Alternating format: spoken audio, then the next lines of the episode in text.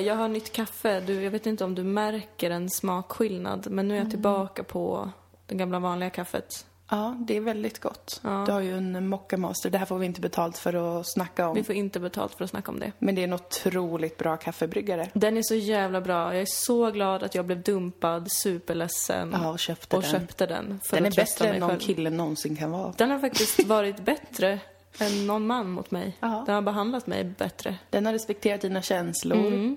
Den har erbjudit tröst. Alltid funnits där Mm. och inte knorrat. Nej.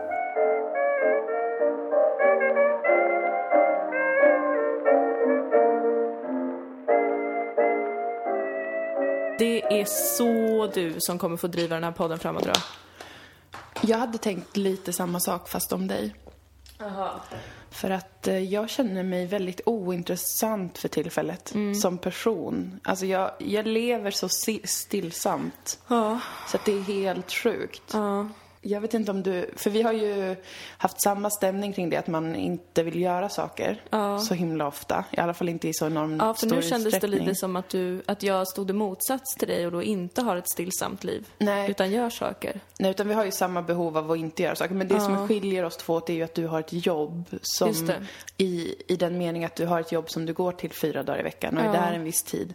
Jag har ju olika små jobb som jag kan lägga upp tiden hur jag vill i Precis. princip. Och just nu är det väldigt lugnt. Det är så att jag klarar mig Mm. financially.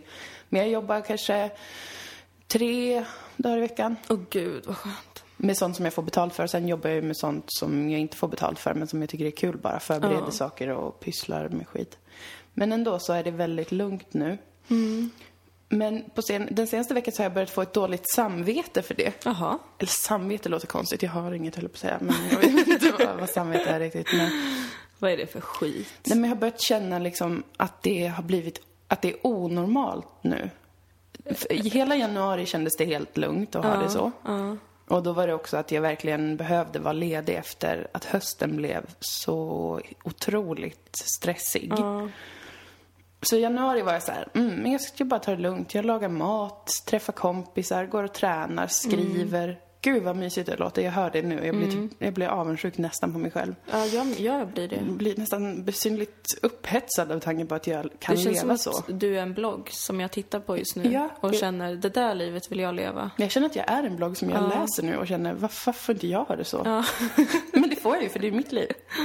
Men i alla fall, nu i februari så har jag ändå börjat känna att jag gör för lite saker med min tid. Mhm. Dagarna går så rasande snabbt. Ja. Jag sover jättebra. Ja, det är bra. Jag tränar regelbundet och det är kul. Ja. Jag träffar folk, Ja. eh, kompisar. Jag jobbar några dagar i veckan. Men en otroligt stor chunk av min tid så ligger jag på min säng och googlar saker. Men det är jättebra ju. Jag vet, jag tycker också det. Enligt mina åsikter så funkar ju allting just nu.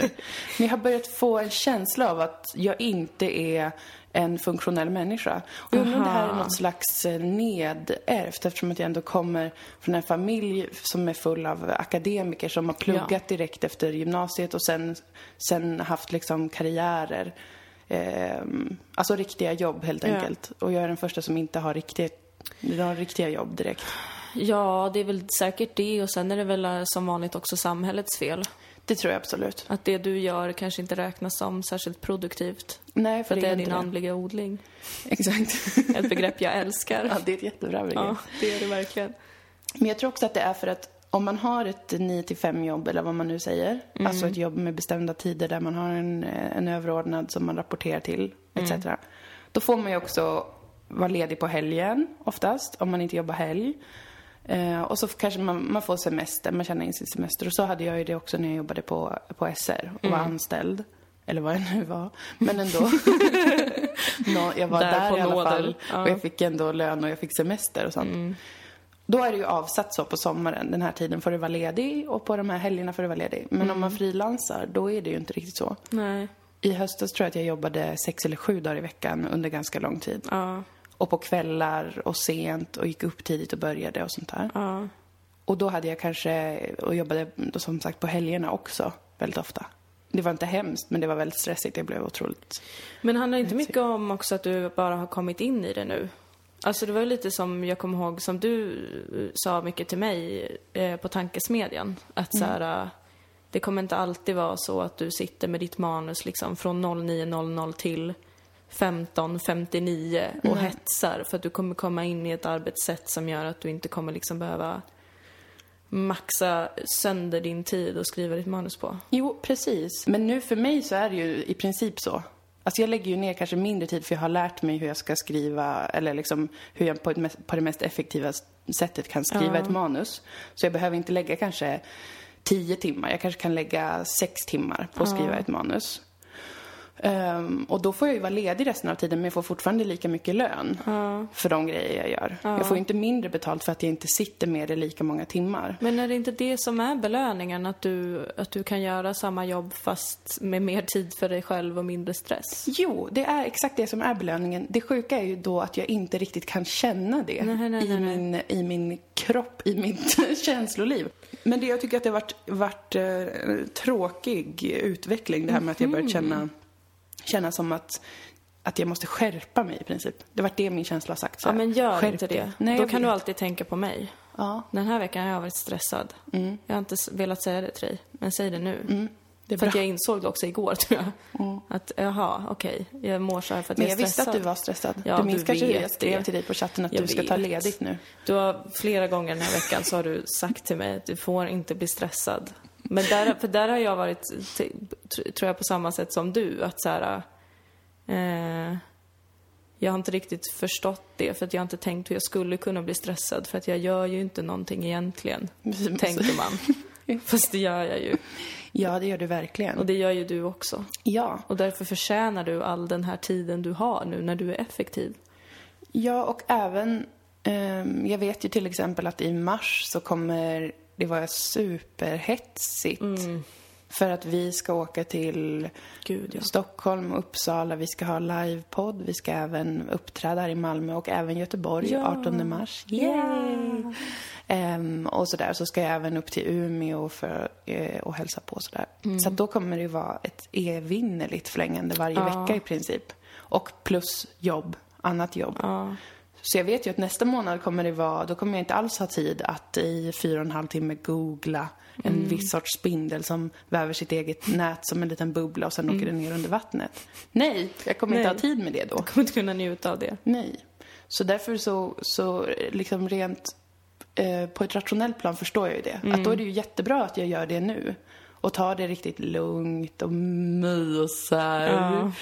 Eh, men vad sjukt det är att allt är samhällets fel och att det inte går att känna. Ja, det är helt otroligt faktiskt vad man kan skylla på samhället. Allt egentligen. Det här jävla samhället. Ja, Som inte låter en kulturarbetare ta det riktigt lugnt i en Exakt. månad eller två. exakt. vad är det med det? Ja, Vad är grejen med det? Kan du skriva en stand-up-rutin om? Ja, just det. What's the deal with...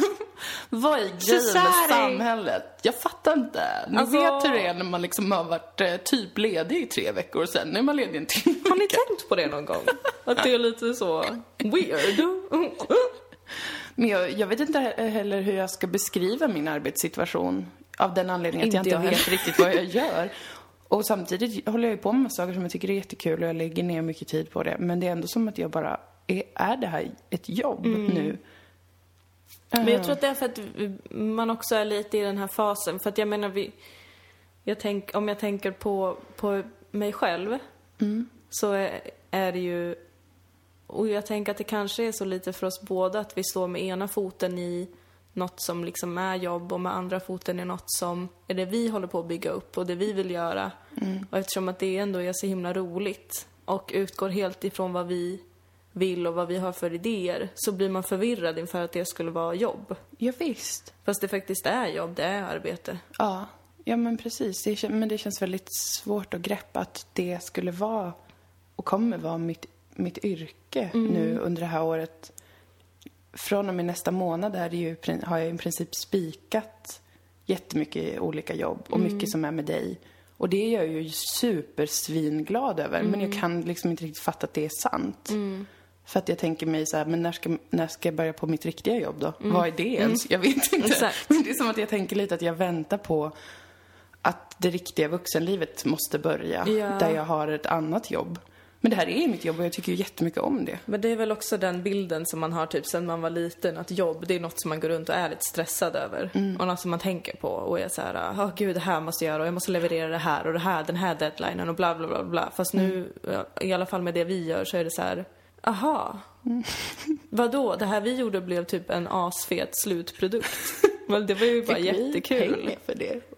Jaha. Det är ju, eh, och så får man ju aldrig visa det inför liksom ens arbetsköpare. Nej. Att man är lite chockad. Nej, typ. man måste låtsas som att man bara... bara... Det här är business. Vi har suttit och skrivit, vi har jobbat en hel del på det här, kan berätta för er. Och bara, vi har suttit en hel del med det, ja. men det har varit så himla himla trevligt och ja. kul. och jätteroligt och givande och lärorikt och allt, allt vad det är. Men det, det kan man inte visa för då vill folk inte betala. Folk vill bara betala för sånt som man liksom har fått magsår av. Ja. Som man har hatat lite. Ja, som man har varit mm. tvungen att uppoffra sin familj för att få klart. Visst. Men jag känner mig nu, trots allt det här med att jag har känt att jag är lat och borde jobba mer och sånt, så har jag ändå haft en, ehm, det här kan vara glädjande nyheter för dig bland mm. andra. Och det är att jag har mer och mer tänkt att jag inte vill utbilda mig till något annat. Och oh, jobba med något annat. Vad glad jag blir. Jag blir så glad. Jag kan inte garantera någonting, men, men jag, jag har också blivit en sucker för kultur de senaste två mm. månaderna. Jag har blivit så mig. otroligt berörd av all sorts kultur mm. som händer. Alltså jag ser den här utvecklingen och bara Ja, det, det ger mig mycket vill jag att du ska veta. Jag ryser av musik och jag ryser. Ja. Jag hör om hur folk eh, de sätter upp olika saker och de håller på. Det är projekt och ja. det är med, oj, vad folk gör. Jag Kultur. blev ju jättechockad när du helt plötsligt ser på Facebook att du är intresserad av ett evenemang. Ja. Beyoncés ja. turné. Och att du skriver till mig nästan som, alltså helt manisk och vill ha biljetter till Beyoncé. Mm. Eh, jag blir bara glad ja, av bra. det här. Många har reagerat. Du... Många. Jag har tre vänner sammanlagt som har, har oroats över varför jag vill gå på ett populärkulturellt evenemang. Och varför jag, eh, framförallt varför jag klickat i det på Facebook. Men det var för att jag, jag klickade i att jag var intresserad för jag vill veta hur man kan få biljetter om, mm. det, om det går överhuvudtaget. Det kommer säkert inte gå. Det kommer nog vara supersvårt. Men ja, alltså jag, jag var jag var helt blown away av mm. Beyoncés eh, på Super Bowl. Mm. Jag bara rös. Mm.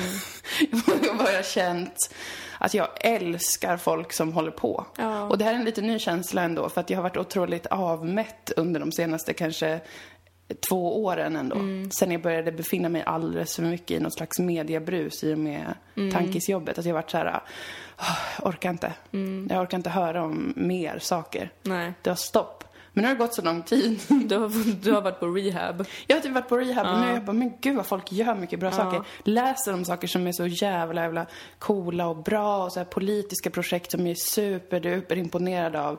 Som mm. är så här före Det är en ny grej. Det, det var spännande. Men jag har ett case om att det är för att det nu är att vara gotare.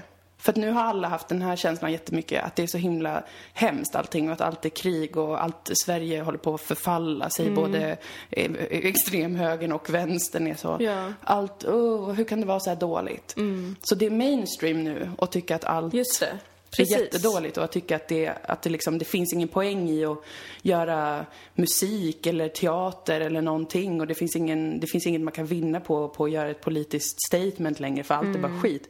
Så det är mainstream att tycka det. Så därför har jag nu sett min chans att få börja älska det. Vad skönt för dig att du kan få välja glädjen ja. och vara godare. Tack mainstream-samhället för att ja. ni är så jävla deppiga. Nu är det my time to rise and shine.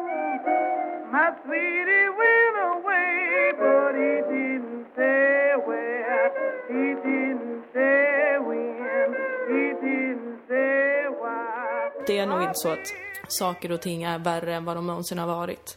Däremot tror jag att SVTs nyhetsrapportering är värre än vad den någonsin ja, har varit. det kan jag faktiskt också tänka mig. Eh, den är verkligen, alltså jag håller på att bli tokig. Helt ja. ärligt. Jag, jag förstår inte vad de håller på med på SVT Nyheter. Det är säkert jättetrevliga människor som eh, jobbar där, mm. superkompetenta, men jag förstår mm. inte vad de håller på med. Nej. Det äter upp mig inifrån. Du måste börja ta del av andra nyhetskällor. Ja, jag gå, försöker uh, verkligen. Gå abroad. Inte bara för att de är helt undermåliga just nu utan också för att det, det måste man göra. Man kan inte bara få sina grejer från en källa även om det är public service liksom och med det, mm. med, med vilka, vilka regler de ändå jobbar efter. Mm. Ja, nej. Det nej, man är blir, man blir agenda, vansinnig. så jag kan inte ens kolla på det. Nej, men alltså, jag, kan jag inte kolla på det för alltså, det är ju, det är ju, där är jag faktiskt otroligt nyfiken på, eh, för att det var en debatt där mellan Moderaterna och Sverigedemokraterna om integrationsproblemen. Mm. Vilka nu de är. Eh, ja. Jag har väldigt svårt att förstå fortfarande vad det är för integrationsproblem eh, folk menar. Ja, alltså för det... att det här är också en grej som jag tycker är konstigt att journalisterna inte reder ut när politiker pratar om migration och när de pratar om integration. Mm. Bara en sån sak är ju... Mm. Men det var ju precis efter att eh, Sverigedemokraterna liksom öppet hade börjat flörta med Moderaterna och vill, ja men stödjer deras, stödjer alliansregeringen eh, och vill samarbeta med liksom Moderaterna specifikt. Mm. Och sen ska de två ställas emot varandra i en fråga som är den som har lockat Sverigedemokraterna till Moderaterna. Mm. Alltså integration och migration och allt det. Mm. Och då blev jag så himla nyfiken på vem det var som hade initierat den debatten. Ja. Det skulle jag kolla också. upp ju. Det borde gå att kolla upp. För att om det är så att det är Moderaterna som har bett om den debatten, för, att mm. de, för det kan jag tänka mig rent strategiskt är det bra för Moderaterna mm. att ställas mot Sverigedemokraterna. Ja. I liksom väljarnas ögon eller vad man ska säga. Ja. Men om det är Moderaterna som har bett om den debatten, mm. då är det ju konstigt från SVTs sida. Det är det. Det här kan du klippa bort. Jag vet inte vad jag pratar om riktigt. Men jag vill också veta det här var Ja. Om det går att ta reda på hur, hur, man kommer fram till. Kan man höra av sig till Agenda kanske? Man kan säkert mejla. Mm. Jag har tänkt på att jag skulle vilja att debatterna i då till exempel SVT, partiledardebatter och liknande mm. skulle utformas på ett helt annat sätt. Jag har ett jättebra förslag. Om ni lyssnar nu SVT eller mm. vem ni än är. Mm. Det här förslaget är så fruktansvärt bra. För det är så här. Alltid när, när, när en, en, politisk fråga ska diskuteras, debatteras, då är det så här. Ha, bostadskrisen. Mm. Eh, är det, kommer bostadsbubblan spricka? Kanske mm. frågan är. Mm. Och så tänker man, då tittar man på det och man bara, hmm, intressant, ja. Mm hit me. Men det är en sån otroligt abstrakt frågeställning och nästan mm. alltid är de så otroligt, otroligt abstrakta och breda saker som ska debatteras. Plus att då ofta så, har, så slängs det olika statistiska undersökningar slängs runt. Alltså de olika mm. partiledarna och de olika representanterna för olika partier har olika källor i princip. Yeah. Man har valt ut den statistik som talar för ens argument. Yeah. Och då har jag en idé om att man borde ha debatter där premissen fastställs i början. Mm. Till exempel så här, nu ska vi diskutera bostadspolitik eh, utifrån den här statistiken som um, finns. Ja.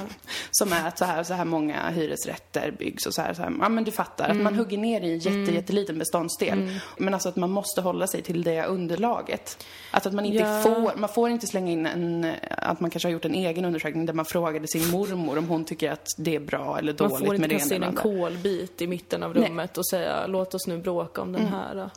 Men så super, super, super nischade debatter där man de, de, de, debatterar, debatterar en, en sakfråga utifrån en fastställd premiss. Ja, för att jag förstår verkligen. Det är det här jag inte fattar. Jag fattar inte vad de har. Och där vet jag inte om man liksom för någon principiell diskussion bland de som jobbar på till exempel SVT Nyheter. Att så här, vad vill vi förmedla? För att jag mm. tänker att man måste ju tänka utifrån, för man pratar så himla mycket om väljarna och bara, vad vill ni säga till väljarna? Mm. Vad tror ni väljarna ska tycka om det här? Men den här diskussionen förs inte på något sätt. Nej. Så att väljarna faktiskt kan förstå vad det är som pågår. Man låter de här politikerna, alla politiker, mm. det spelar ingen roll vilket parti de kommer ifrån just nu. Mm. Eh, som bara får stå och liksom snacka skit gagga som gamla ja. dementa och bara upprepa sina olika för... Och det tror jag verkligen är för att, förlåt att jag avbröt dig. Men det tror jag verkligen är för att, som du säger, att sakfrågorna får vara alldeles för breda. Mm. Men samtidigt har man inte en bred diskussion som jag tycker att man behöver om det ideologiska.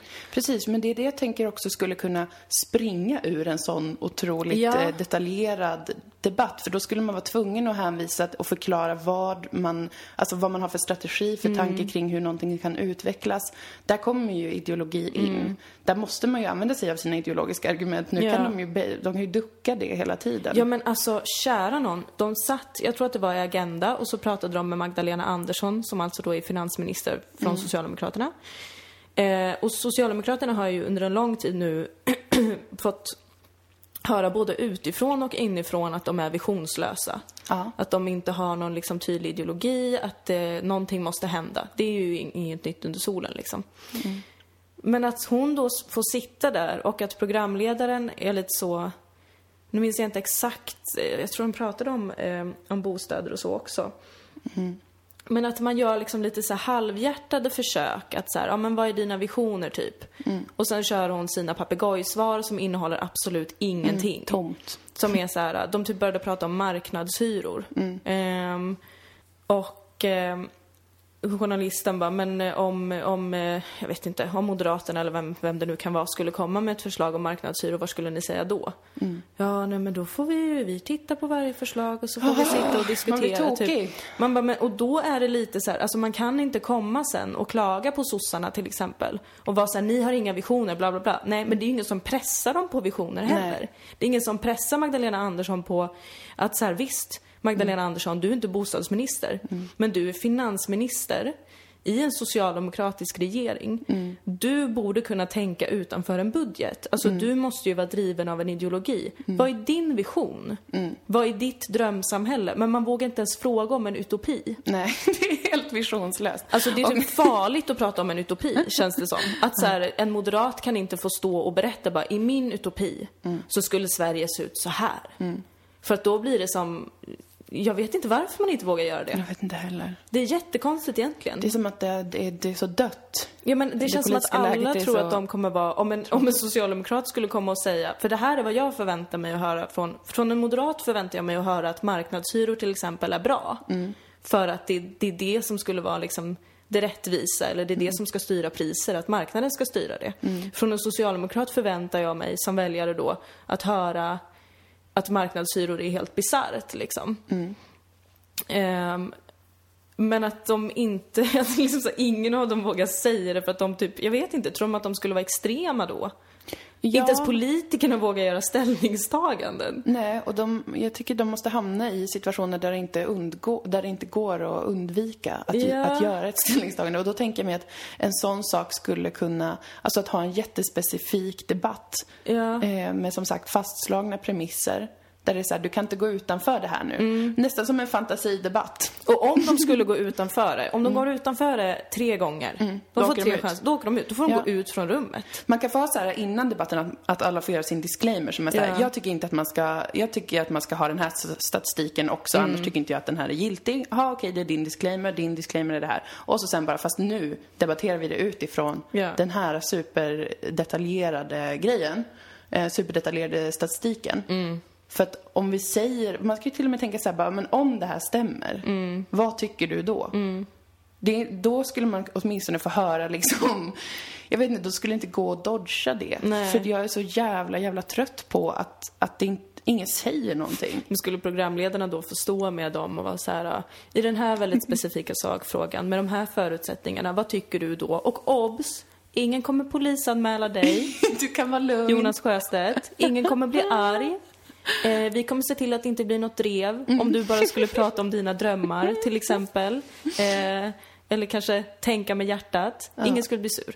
Man kanske får dalta lite mer och ge dem sockervadd. Kanske så att de inte får en, liksom en panikångestattack av att behöva formulera någonting utöver det som någon har skrivit åt dem innan.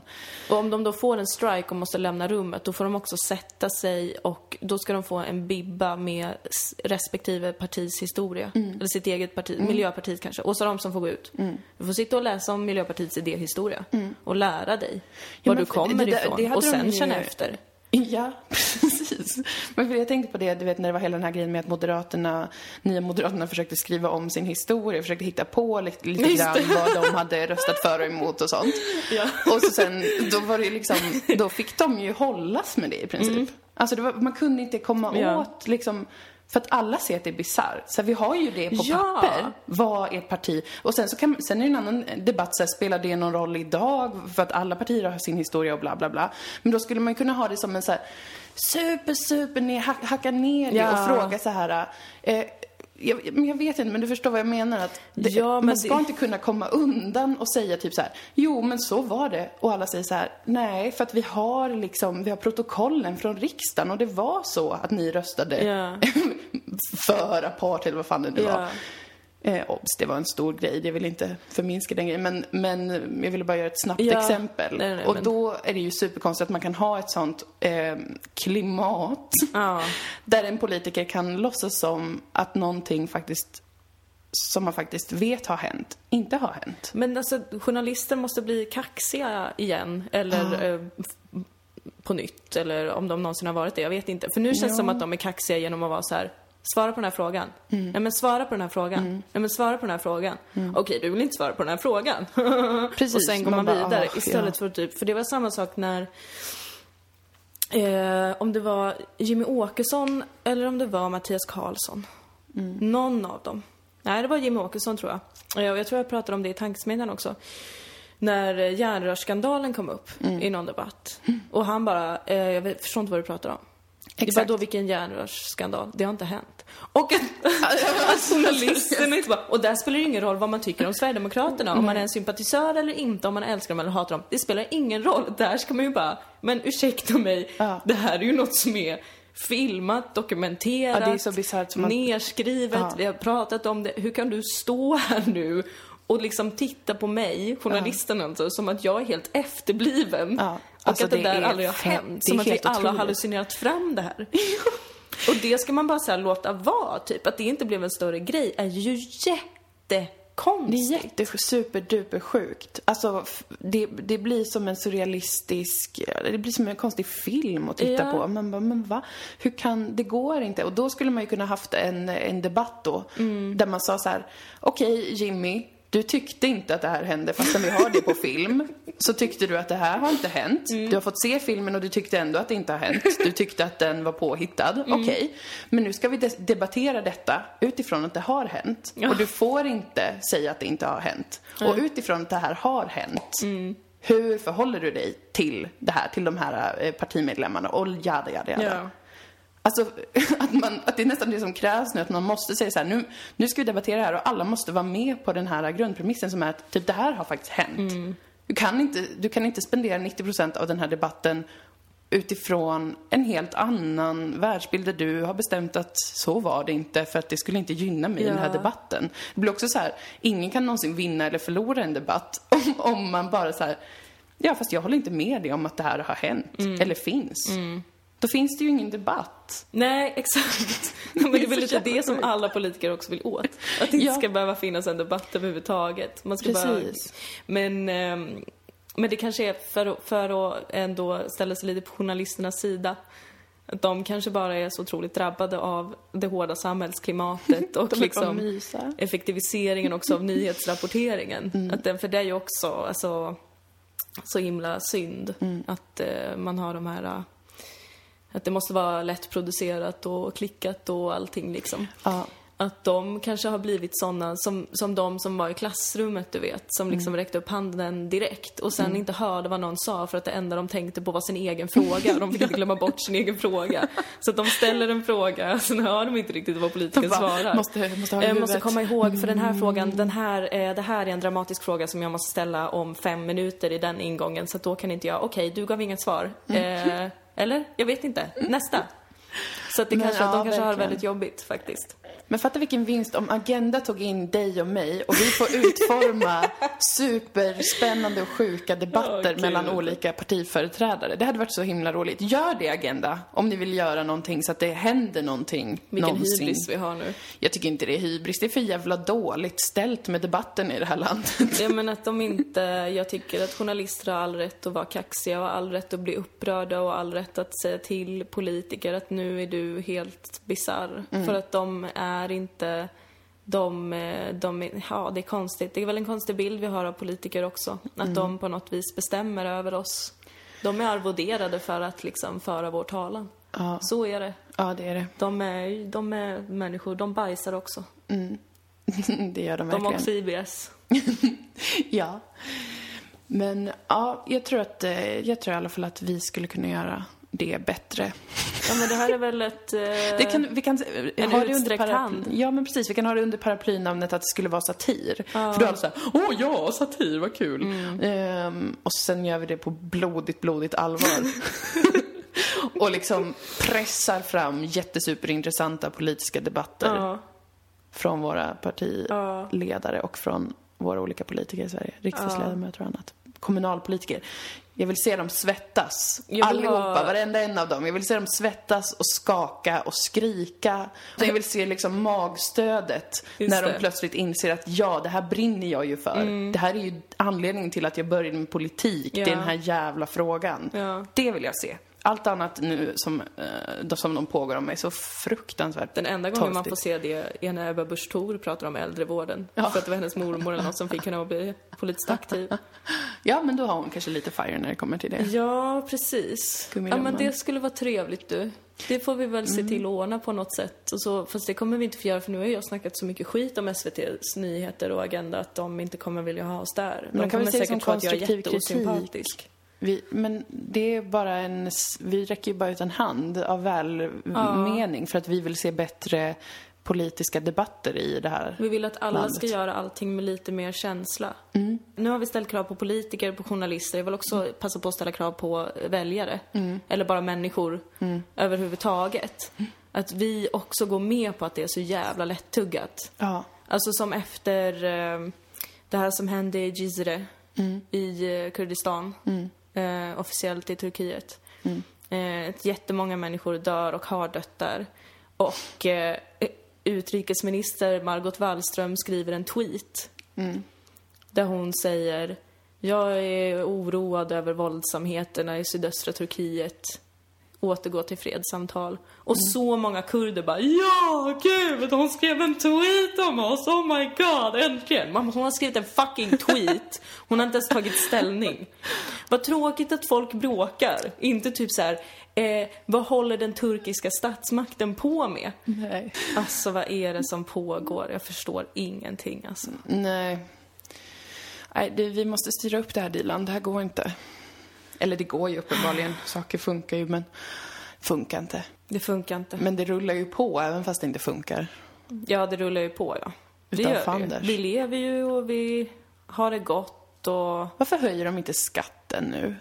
det är ju, men det är ju, det är väl politiskt självmord nu för tiden att höja skatten. Ja, men alltså jag vill att de ska pissa på mig i ansiktet. Jag vill att en, jag vill att en socialdemokrat ska urinera på mig Mm. och säga till mig, du håller käften. Och sen vill jag att de höjer skatten och använder de pengarna till bra saker.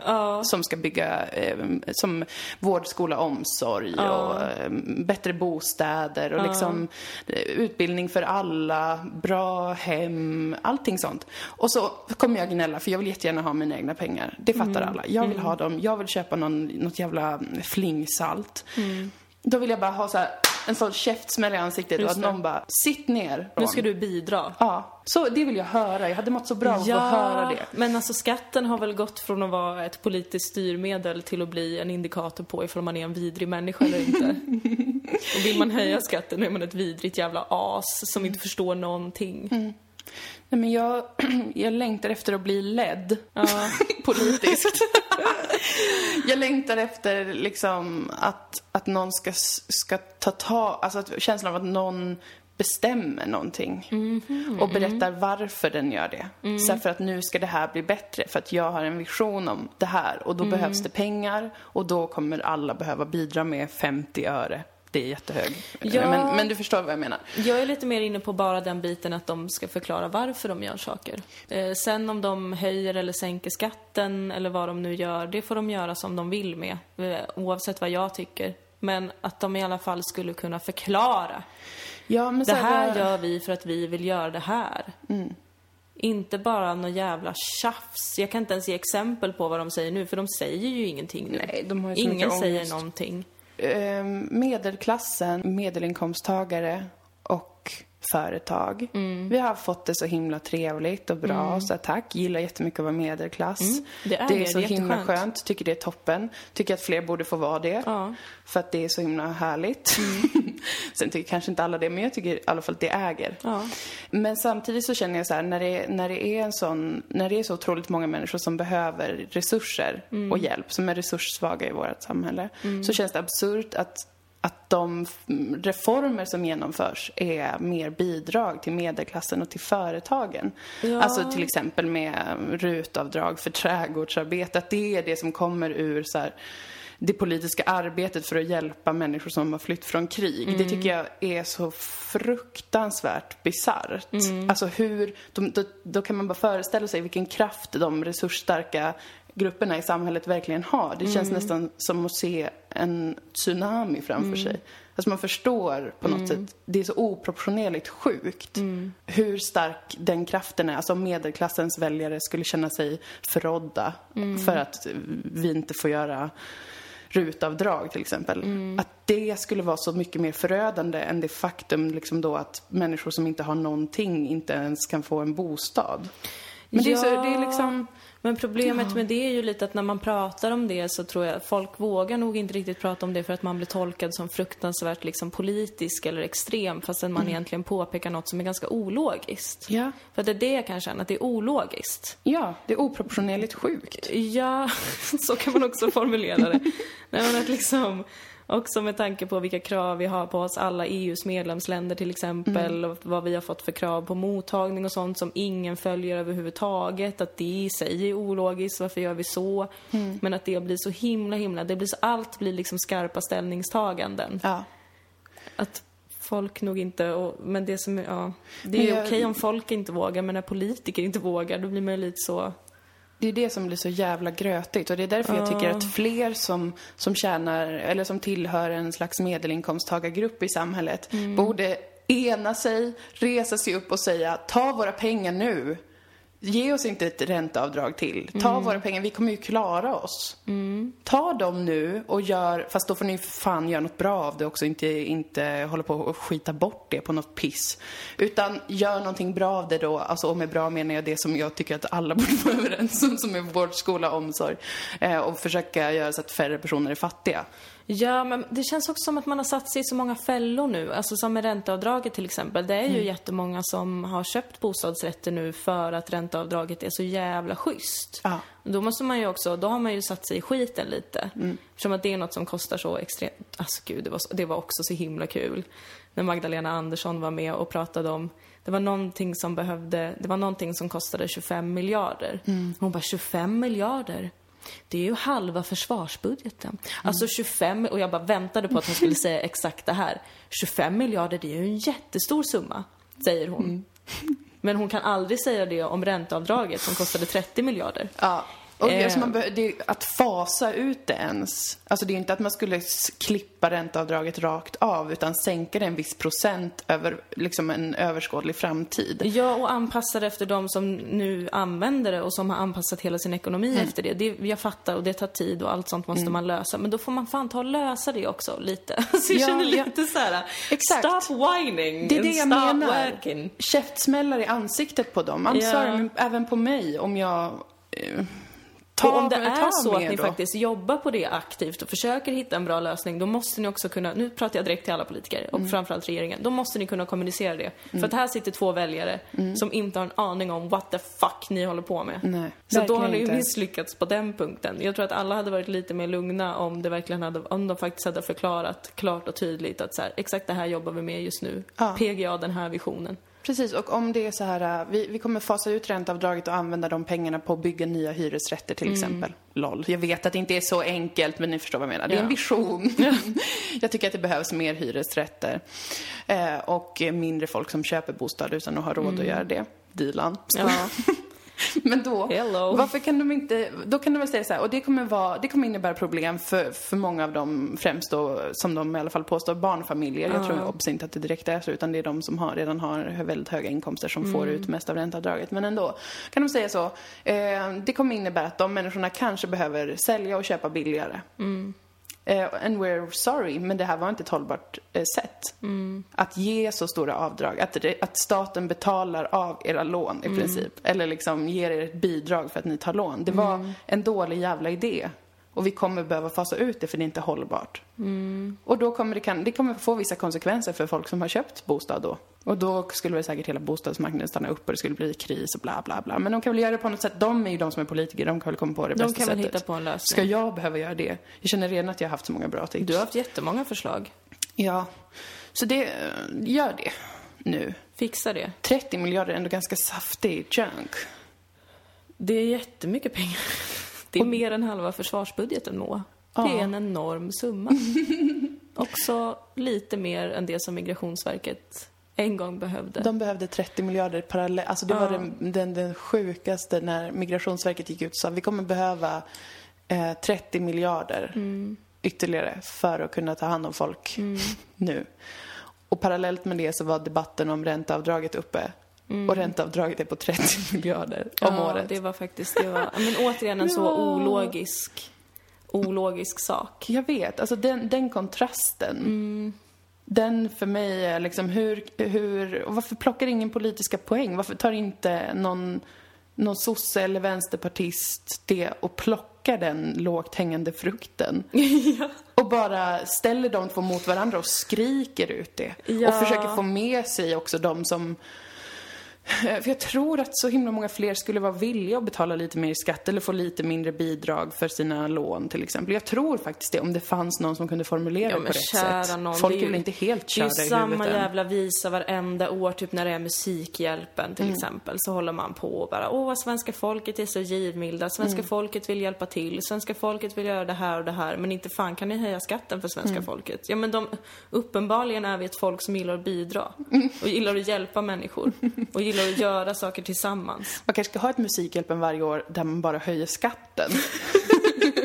motsvarande så mycket. Folk får skänka pengar, men så drar man aldrig de pengarna för folk. Och så ser man så, här, okej, i år fick vi in 34 miljoner. Då höjer vi skatten. Mm. Motsvarande det per år, liksom. Ja, på olika sätt och på olika eh, områden. It's very clever. Ja.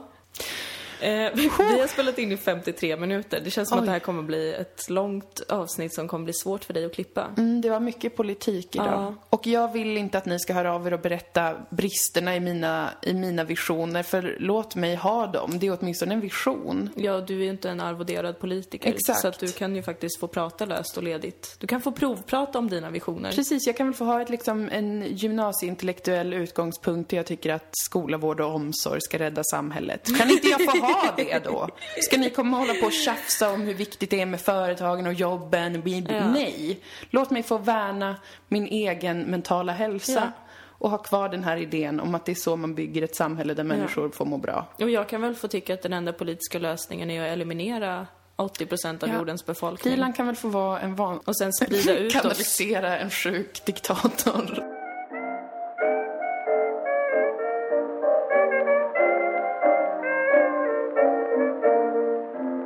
Låt oss nu äntligen tala om Gift vid första ögonkastet. Det här är ju en serie som vi har nämnt tidigare i podden. Vi följde den förra säsongen, tittade på den tillsammans på lunchrasterna på Tanksmedjan. Yes. Nu tittar vi på den på våra olika håll. Ja. Eh, och det har blivit dags att analysera de avsnitten, de tre avsnitten som har kommit hittills. Här kan jag klippa in introlåten så att det Ja. blir riktigt fint. Eh, hur går den? Du vet, den är så bra. Det är någonting med for the first Ja, time. just det. Just det. Avsnitt tre sändes i veckan. Alltså vad är det här för säsong? Det är säsong två. Ja, det, ja precis. Men vad är det här? Ja. Jag ställde det som en mer liksom, eh, känsloladdad fråga. Vad är det som pågår? Alla, alltså alla i den här säsongen mår ju piss. Förutom de två som jag upplever kommer ur överklassen. Ja. Alltså han, den unga killen Och kvinnan som blev är av med sin lägenhet men nu bor typ i ett litet en hus. jättevacker liten villa. Typ på Djurgården eller vart fan det nu Men är hos hans föräldrar dock. Ja, det är hans föräldrars men ändå, han har det jävligt gott ställt. Och den här då äldre kvinnan som är egenföretagare och älskar golf. Ja. De två är de enda som inte har typ eh, några... Ett stort sår. Ett nytt stort sår. Alla har så stora sår. En har förlorat sin pappa. Aha, en, har förlorat sin bror. bror. En har förlorat sin mor och blivit frånskild på en och samma gång. Och en har jättestora problem med sitt självförtroende och sin Ja, självkänsla. jättemycket tics typ och allmänt bara. Han verkar väldigt fin tycker jag. Ja, ändå men väldigt- eh, ja, han men- borde ha läkt sig själv, upplever jag väldigt Det starkt. känns lite risky att slänga in alla de här i mixen, eller? Ja, Alltså, alltså- så, det, för så, det är så nyliga saker som har hänt. Det är liksom ett år, ett och ett halvt år sen, sen de, alla de här har varit med om liksom stora, stora jag tror att han, eh, kriser. golvläggarmannen som förlorade sin mamma och sin fru, att det var för typ sju år sedan. Men att han, Han, han, är ändå, fortfarande helt ärrad. Han har ju inte bearbetat det en enda sekund. Och Nej. det, han har alltså träffat psykolog, beteendevetare, Mm. präst, någon sextant och ingen av dem har bara, du är inte redo för det här för du har jättemycket issues. Nej, de bara, du skulle må bra av att träffa en tjej. och han bara, han var helt nervös och bara, åh, så här, åh jag är ju en man och så här, åh, har jättemycket problem med, med maskulinitet, vad det ska innebära och samtidigt väldigt skör. Jag tycker att han verkar vara Han är en, en, en varm människa men väldigt skör. Jag tycker att han verkar vara någon som när som helst kan bli typ August Strindberg och hata kvinnor för att de har sårat honom så Jag tror att han djupt. kan balansera på en sån gräns där Ja. han å, å ena sidan älskar kvinnan men å andra sidan skulle verkligen kunna hata kvinnan för Ja. det hon gjort mot honom. Alla hugg i hans hjärta som kvinnan har. Exakt. Så, nej, det är verkligen en säsong där man sitter lite på nålar över att de har, har väldigt många människor som... Men också att det, det här har jag tänkt på. Och det här kanske är liksom elakt slash fördomsfullt eller någonting, eller helt bara ignorant och okunnigt. Därför säger jag det rakt ut. Men- att om man nyligen har varit med om en stor förlust och en stor kris, så tänker jag mig, för mig skulle det verka logiskt att man väldigt starkt söker någon slags trygghet och stabilitet. Kanske då att man vill eh, bilda familj eller vill, vill liksom, eh, ja men, göra något så här som man känner att det finns en trygghet i ens liv. När man har varit med om någonting så fruktansvärt som att förlora en människa som har varit en mer eller mindre nära. Ja. Och då tänker jag också att det blir lite så är det den bästa förutsättningen att ta någon som nyligen har haft en familjemedlem som dog och som bara vill ha liksom eh, trygghet och stabilitet och sen göra en reality-såpa eh, med den? Alltså, Är det verkligen... när jag tittar på den här serien så känner jag att de här människorna blir utnyttjade. Det är verkligen det jag känner. Det känns jättejobbigt. Ja, men jag, för jag har också haft den känslan lite att, att eh, det är men det är mer utelämnande än förra säsongen. Alltså Ja. alla, de har ju också infört nu att de får ha ett snack så här, Det hade de även lite grann förra säsongen, men nu typ innan de skulle åka på bröllopsresan så satt de och snackade med med psykologen och eh, hon sextanten, var, var respektlöst att kalla henne det. Men det var så roligt. Kroppsterapeut, Ja, precis. Och då sa de så här rakt ut till alla bara, du går ju in i dig själv i en sån här situation och så här jätteraka. Men det är ju att, att få det sagt till sig inför en kamera och också inför en väldigt stor publik. Också när man är i ett sånt otroligt utsatt läge. Ja. Måste vara, vilken jävla pers det måste vara. Ja. Jag har känt mig liksom som att jag inte borde titta när, jag, när de senare, jag bara, men gud, det här ska inte, det här, det är så... Plus att det känns konstigt att de Skört. säger det alltså när de två sitter där tillsammans. För jag hade kunnat köpa det om de träffade dem en och en och bara nu ska du på bröllopsresa med den här personen. Jag vill att du tänker på det här och det här för din egen skull. Ja. Men när man säger det framför den andra personen, alltså den andra personen tror jag... Alltså om jag hade varit i det läget så tror inte jag att jag hade tänkt så mycket på vad de sa till mig utan jag hade mer varit vaksam på den andra personens problem Precis. och väntat på när de skulle dyka upp. Det tror verkligen jag också. Och att man skulle liksom, man skulle vara förberedd på så här, just det, du är en sån här person. Ja, exakt. Vilket jag tror snarare kan innebära vissa problem. Att man inte är då helt eh, liksom mottaglig för Exakt. de olika signalerna en annan person kan skicka. Utan man är helt för, förinställd på att så här, du kommer ju vara defensiv i den här situationen. Exakt. Så blir det liksom självuppfyllande att det blir Ja. så. Det tror jag jättemycket. Det, för det är det här äldre paret då. Med hon den rika tanten och golvläggaren. Det är ju så kul. Ja, för där var det ju direkt när de åkte iväg på den här resan så blev det jättestora problem och då höll de ju hela tiden på att referera till det den här, den här psykologen hade sagt. Det så här, mm. Ja, men nu, nu visar det sig direkt att vi har de här olikheterna och olikheterna är ju att de kommer från olika socioekonomiska bakgrunder i princip. Ja. Hon är rik och har så här, vill eh, gå på vinprovning och spela golf och han är lite mer så här, mm, jag gillar inte så här skrupler Han är golvläggare och hon är egenföretagare. Mm. Alltså det är ju, men det var kul. Igår såg jag att Politism hade skrivit om det faktiskt. Mm -hmm. eh, om just den här, att, att de i det här programmet har en sån, för det märkte jag också är från politism, början. det är Aftonbladets grej, eller vad är det för något? Ja, det är det va? Ja, uh, jag har inte riktigt det är tänkt de här, med. Eh, jo men det, det, är det tror jag. Jo det är det väl? Mm. Ja, okay. mm. det är väl den här vänster... De är väl Någon slags ny, äh, ny blogg, nyhetsblogg ja. eller något sånt. Ja. ja, men det var ganska kul för det har ju vi också pratat om. Eh, det var kul att de tog upp det, den här otroliga beröringsskräcken som för finns klass. i programmet. Ja, att de inte vågar prata om klass. Nej. Men att liksom från avsnitt ett så har mm. det varit så här med det här äldre paret då. Mm. Nej, men ni kommer ju från väldigt olika... Ja, ni har olika eh, grejer för er. I, i politismtexten så reagerar de på att, att de använder ordet livsstil ja. istället för eh, klass. Mm. Och det håller jag verkligen med om. Att eh, de återkommer till det här med livsstilen. Men att de, mm. de pratar om det så mycket och de liksom tassar på tå kring det. Mm. Och bara ja, och typ på bröllopet så var det någon som höll ett tal till den här kvinnan och bara var inte fördomsfull, typ. Var öppen. Ni måste verkligen vara, vara noga måste... med att ni är öppna mot varandra. Bara, men alltså, varför...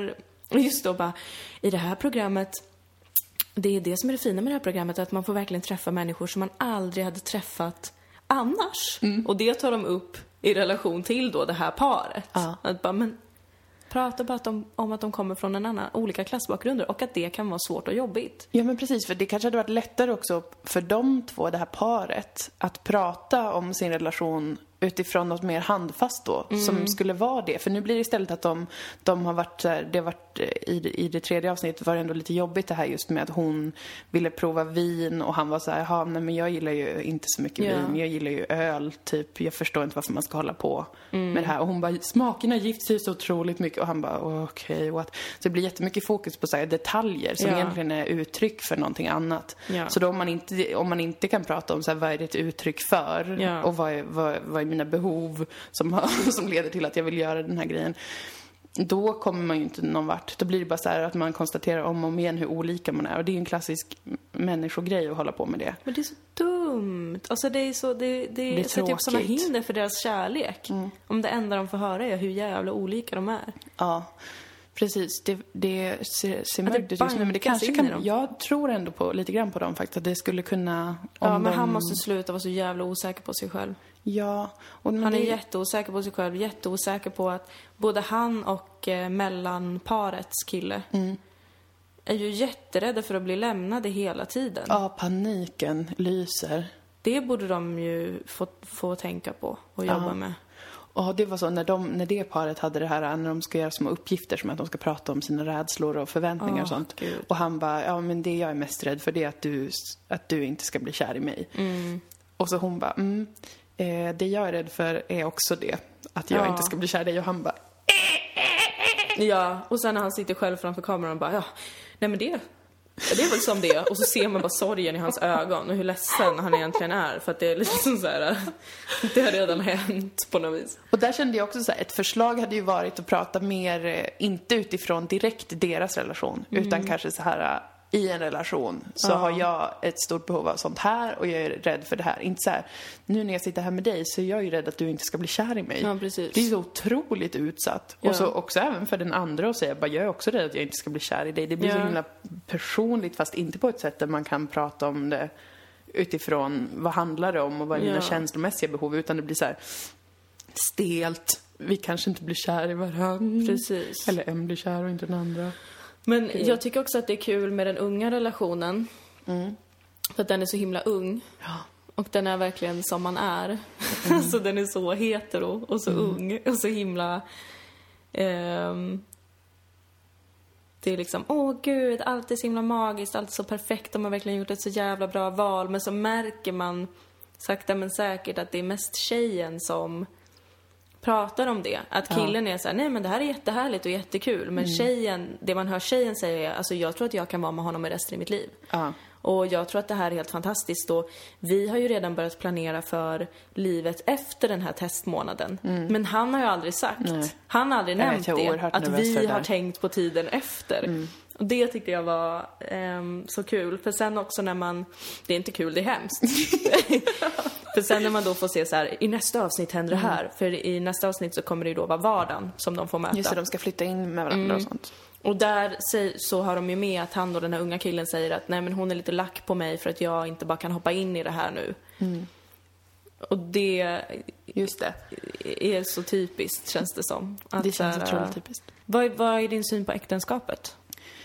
Ja, alltså jag vill ju gärna gifta mig för att jag älskar tvåsamheten så mycket och för att jag älskar den jag är ihop med så mycket. Men sen så tillhör det absolut inte min vardag och det normsystem jag lever inne i att göra det i så här tidig ålder och sånt. Varför inte? För att det inte, jag känner ingen som gör det och det är liksom inte en sak som är up for. Ingen i min familj är gift med någon. Ingen av mina kompisar har gift sig. Så, eh, och det har väl... Är inte anser- dina föräldrar gifta? Eh, jo, jag tror det. Fast typ på, de åkte typ på en bilsemester och bytte ringar eller Ah, någonting okej. sånt. Och Det var inget så här bröllop. Vi har inte haft det som en grej i släkten. Så jag tror att det är mycket därför jag tänker att det är lite... Eh, Onödigt. Ja, typ. Om man inte har så här jurid... Alltså väldigt tråkig sån syn delvis tror jag på att vara gift. Men, men eh, jag tänker... Jag vet, jag vet faktiskt inte, jag tycker det är lite svårt. För det som kan vara bra med att gifta sig kan jag tänka mig är det som det här programmet försöker beskriva som är så här, nu kör vi. Men jag tror, jag gillar ändå tanken på äktenskapet för att jag älskar lång, långa saker. jag älskar, jag älskar saker som håller. Och som tar lång tid. Och som är ett ständigt arbete. Jag tycker att det är så otroligt givande. Jag är, jag, jag är väldigt eh, rädd för, för korta saker. Så tror jag att man kan beskriva min psykologi. Kring äktenskapet. Och kring relationer överlag. Jag hade gärna gift mig med vänner också bara för att veta att det kommer vara jävligt svårt för er att lämna mig. nu ska ni vara med mig. Nu kidnappar du bara folk istället. Precis. Håller dem Låser in dem i min källare som jag har byggt. Tills dess att vi lever i en mer liberal värld. Vill du gifta dig? Vid första ögonkastet? Det skulle vara ganska spännande tror jag. Nej men, ehm, jag har aldrig, ehm, jag har aldrig varit lockad av äktenskapet. Jag är väldigt lockad av, av, av kärleken. Det, det kan, kommer jag aldrig kunna förneka. Nej. Att jag tror att kärleken är den stora befrielsen. men äktenskapet har aldrig lockat mig. Jag har velat gifta mig, eh, men det har mest varit för eh, liksom eh, någon annans skull. Att typ såhär, ja ja men vill du gifta dig så är det väl det något som jag kan göra för din skull, för att jag älskar dig typ. Det där fixar vi. Men ehm, nej, jag vill ju heller inte ehm, ha barn. Nej. Jag har velat ha barn en gång. Mm. För att jag liksom har varit så här, gud jag älskar dig så mycket att, jag har inte velat ha barn men jag har tänkt så här, gud, jag älskar dig så mycket så barn. att jag skulle kunna ha barn med dig någon gång liksom. Men ehm, däremot så tänker jag att jag skulle nog kunna gifta mig med en person som jag får barn med. Mm. Om den personen visar sig ta hand om barnet och vara en rimlig förälder. Ja. Så skulle jag efter ett antal år kunna gifta mig med den personen. När den har bevisat sig. Ja, precis. För att det skulle ju också vara liksom ekonomiskt fördelaktigt då. Ehm, vi skulle ärva varandra och, och barnet skulle...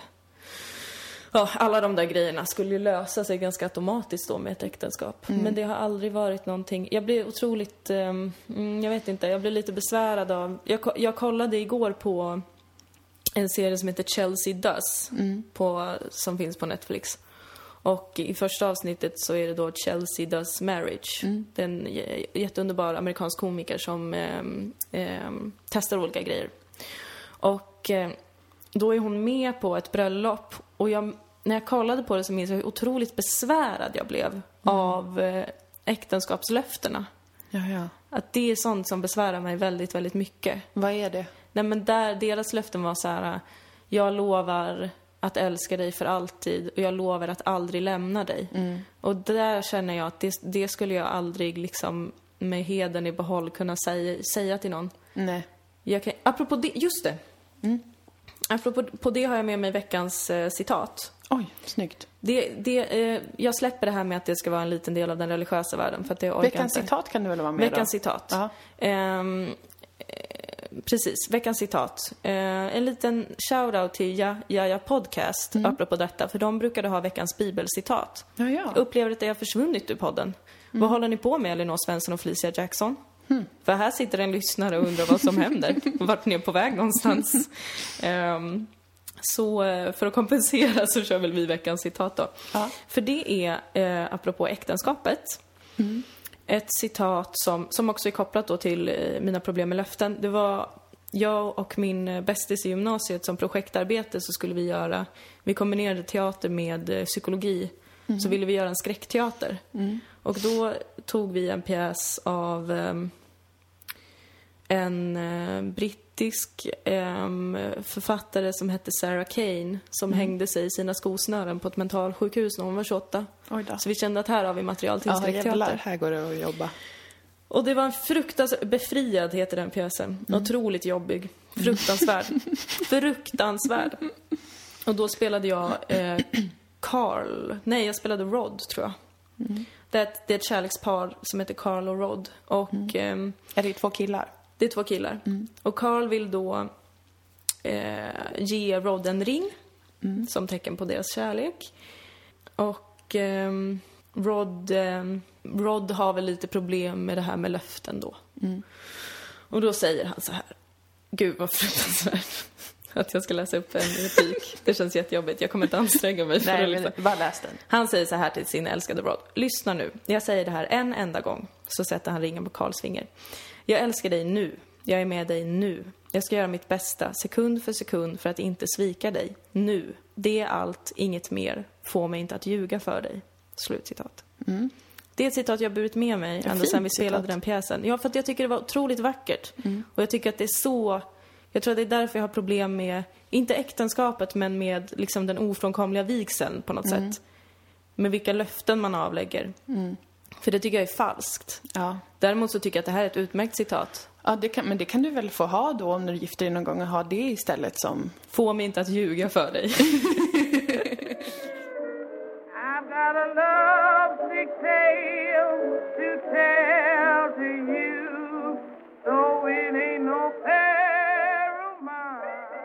Nu har vi spelat in svinlänge, visst? Mm, det har vi. Men däremot så, vi har ju kvar eh, en liten del av World Wide Web. Ja. Och det sjuka och underbara är att en lyssnare har skickat en jingle till Ja. det.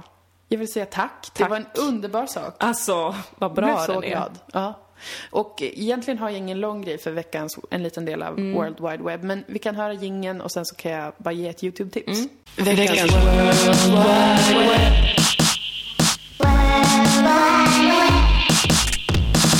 Fy fan vad snyggt. Ja, ja, ja. Alltså, I'm tack. blown away. Verkligen tack. Tusen miljoner Där tack. är också kärlek. Ja, det är det. Där skapar värme i min själ. Att Jag vi så får sånt här. glad. jag är så himla glad för er som lyssnar. Det är så sjukt att vi får sånt här. Jag alltså att vet. någon har suttit sig ner och gjort den här till oss.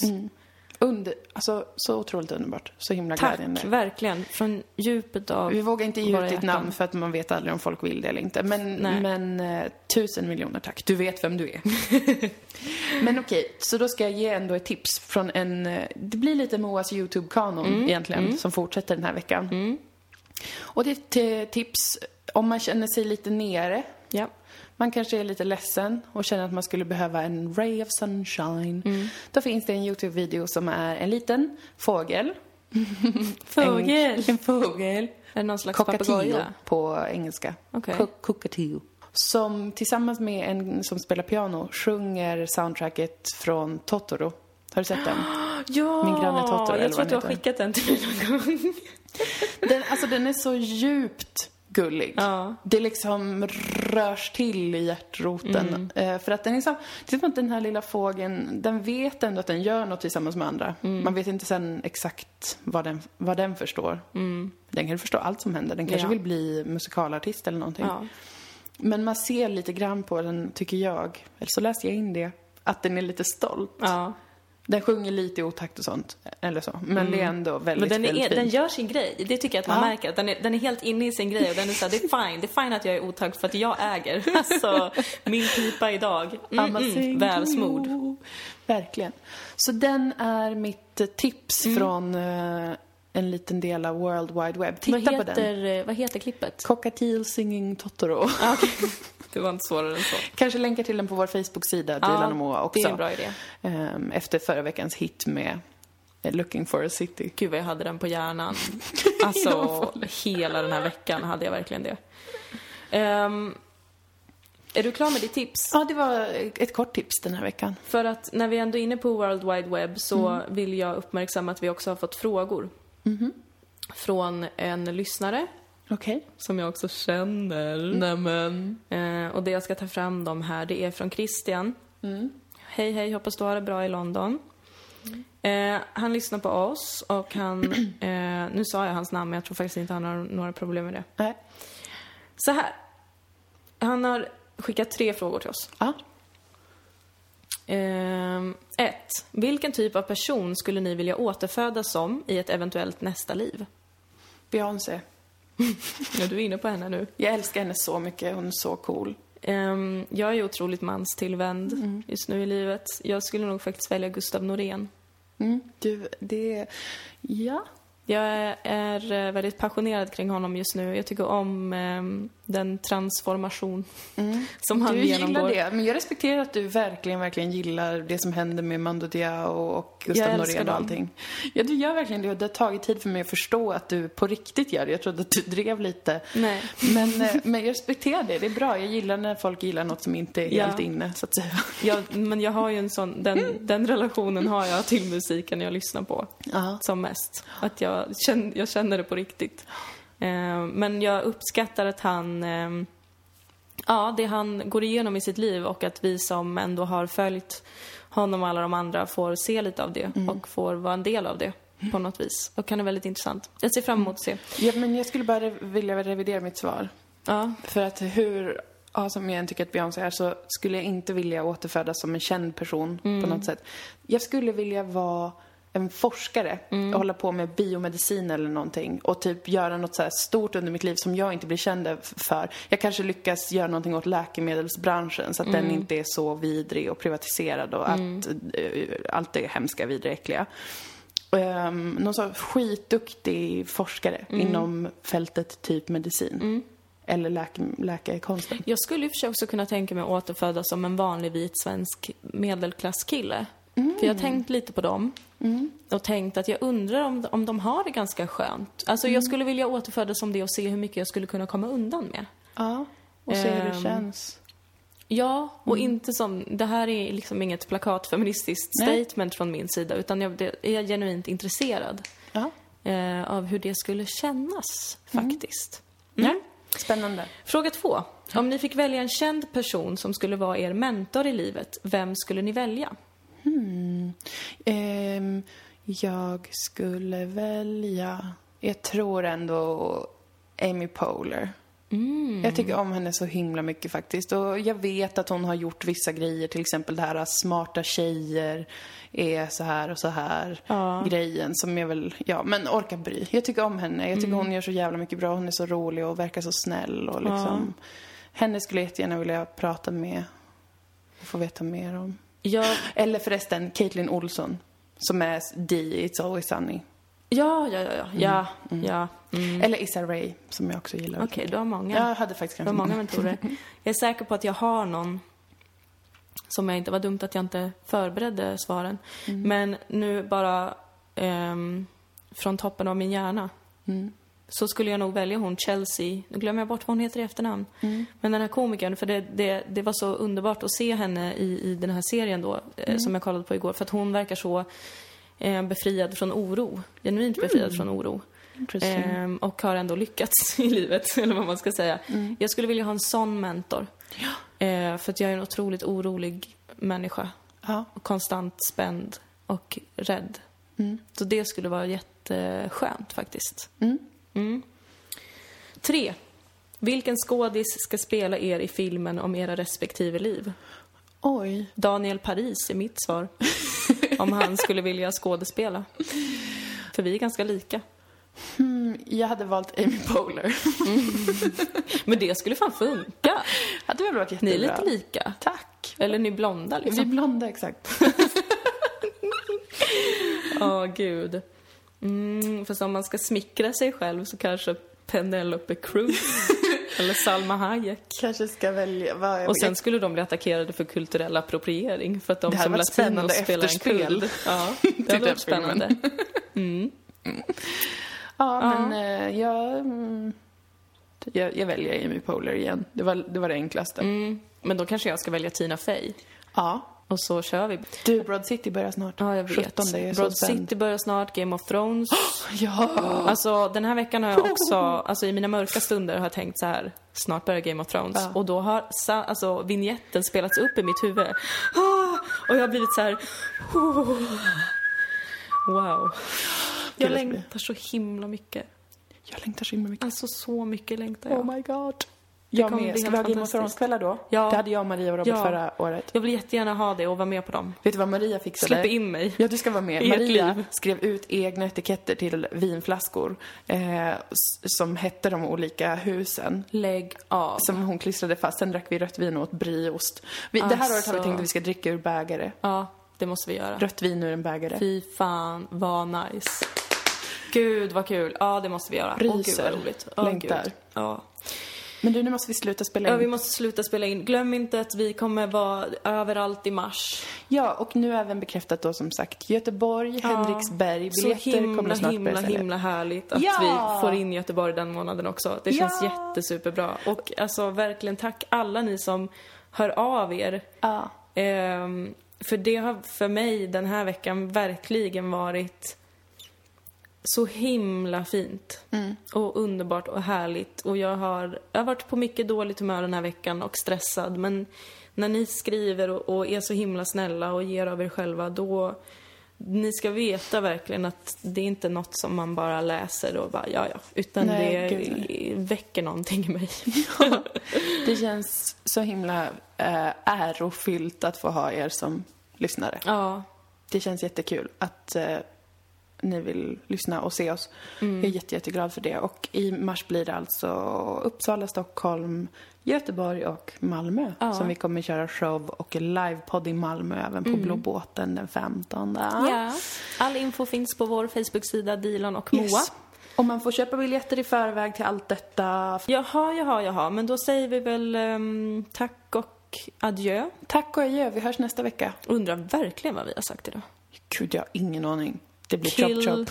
your darlings. ja. Puss och Okej, kram. puss puss, hej.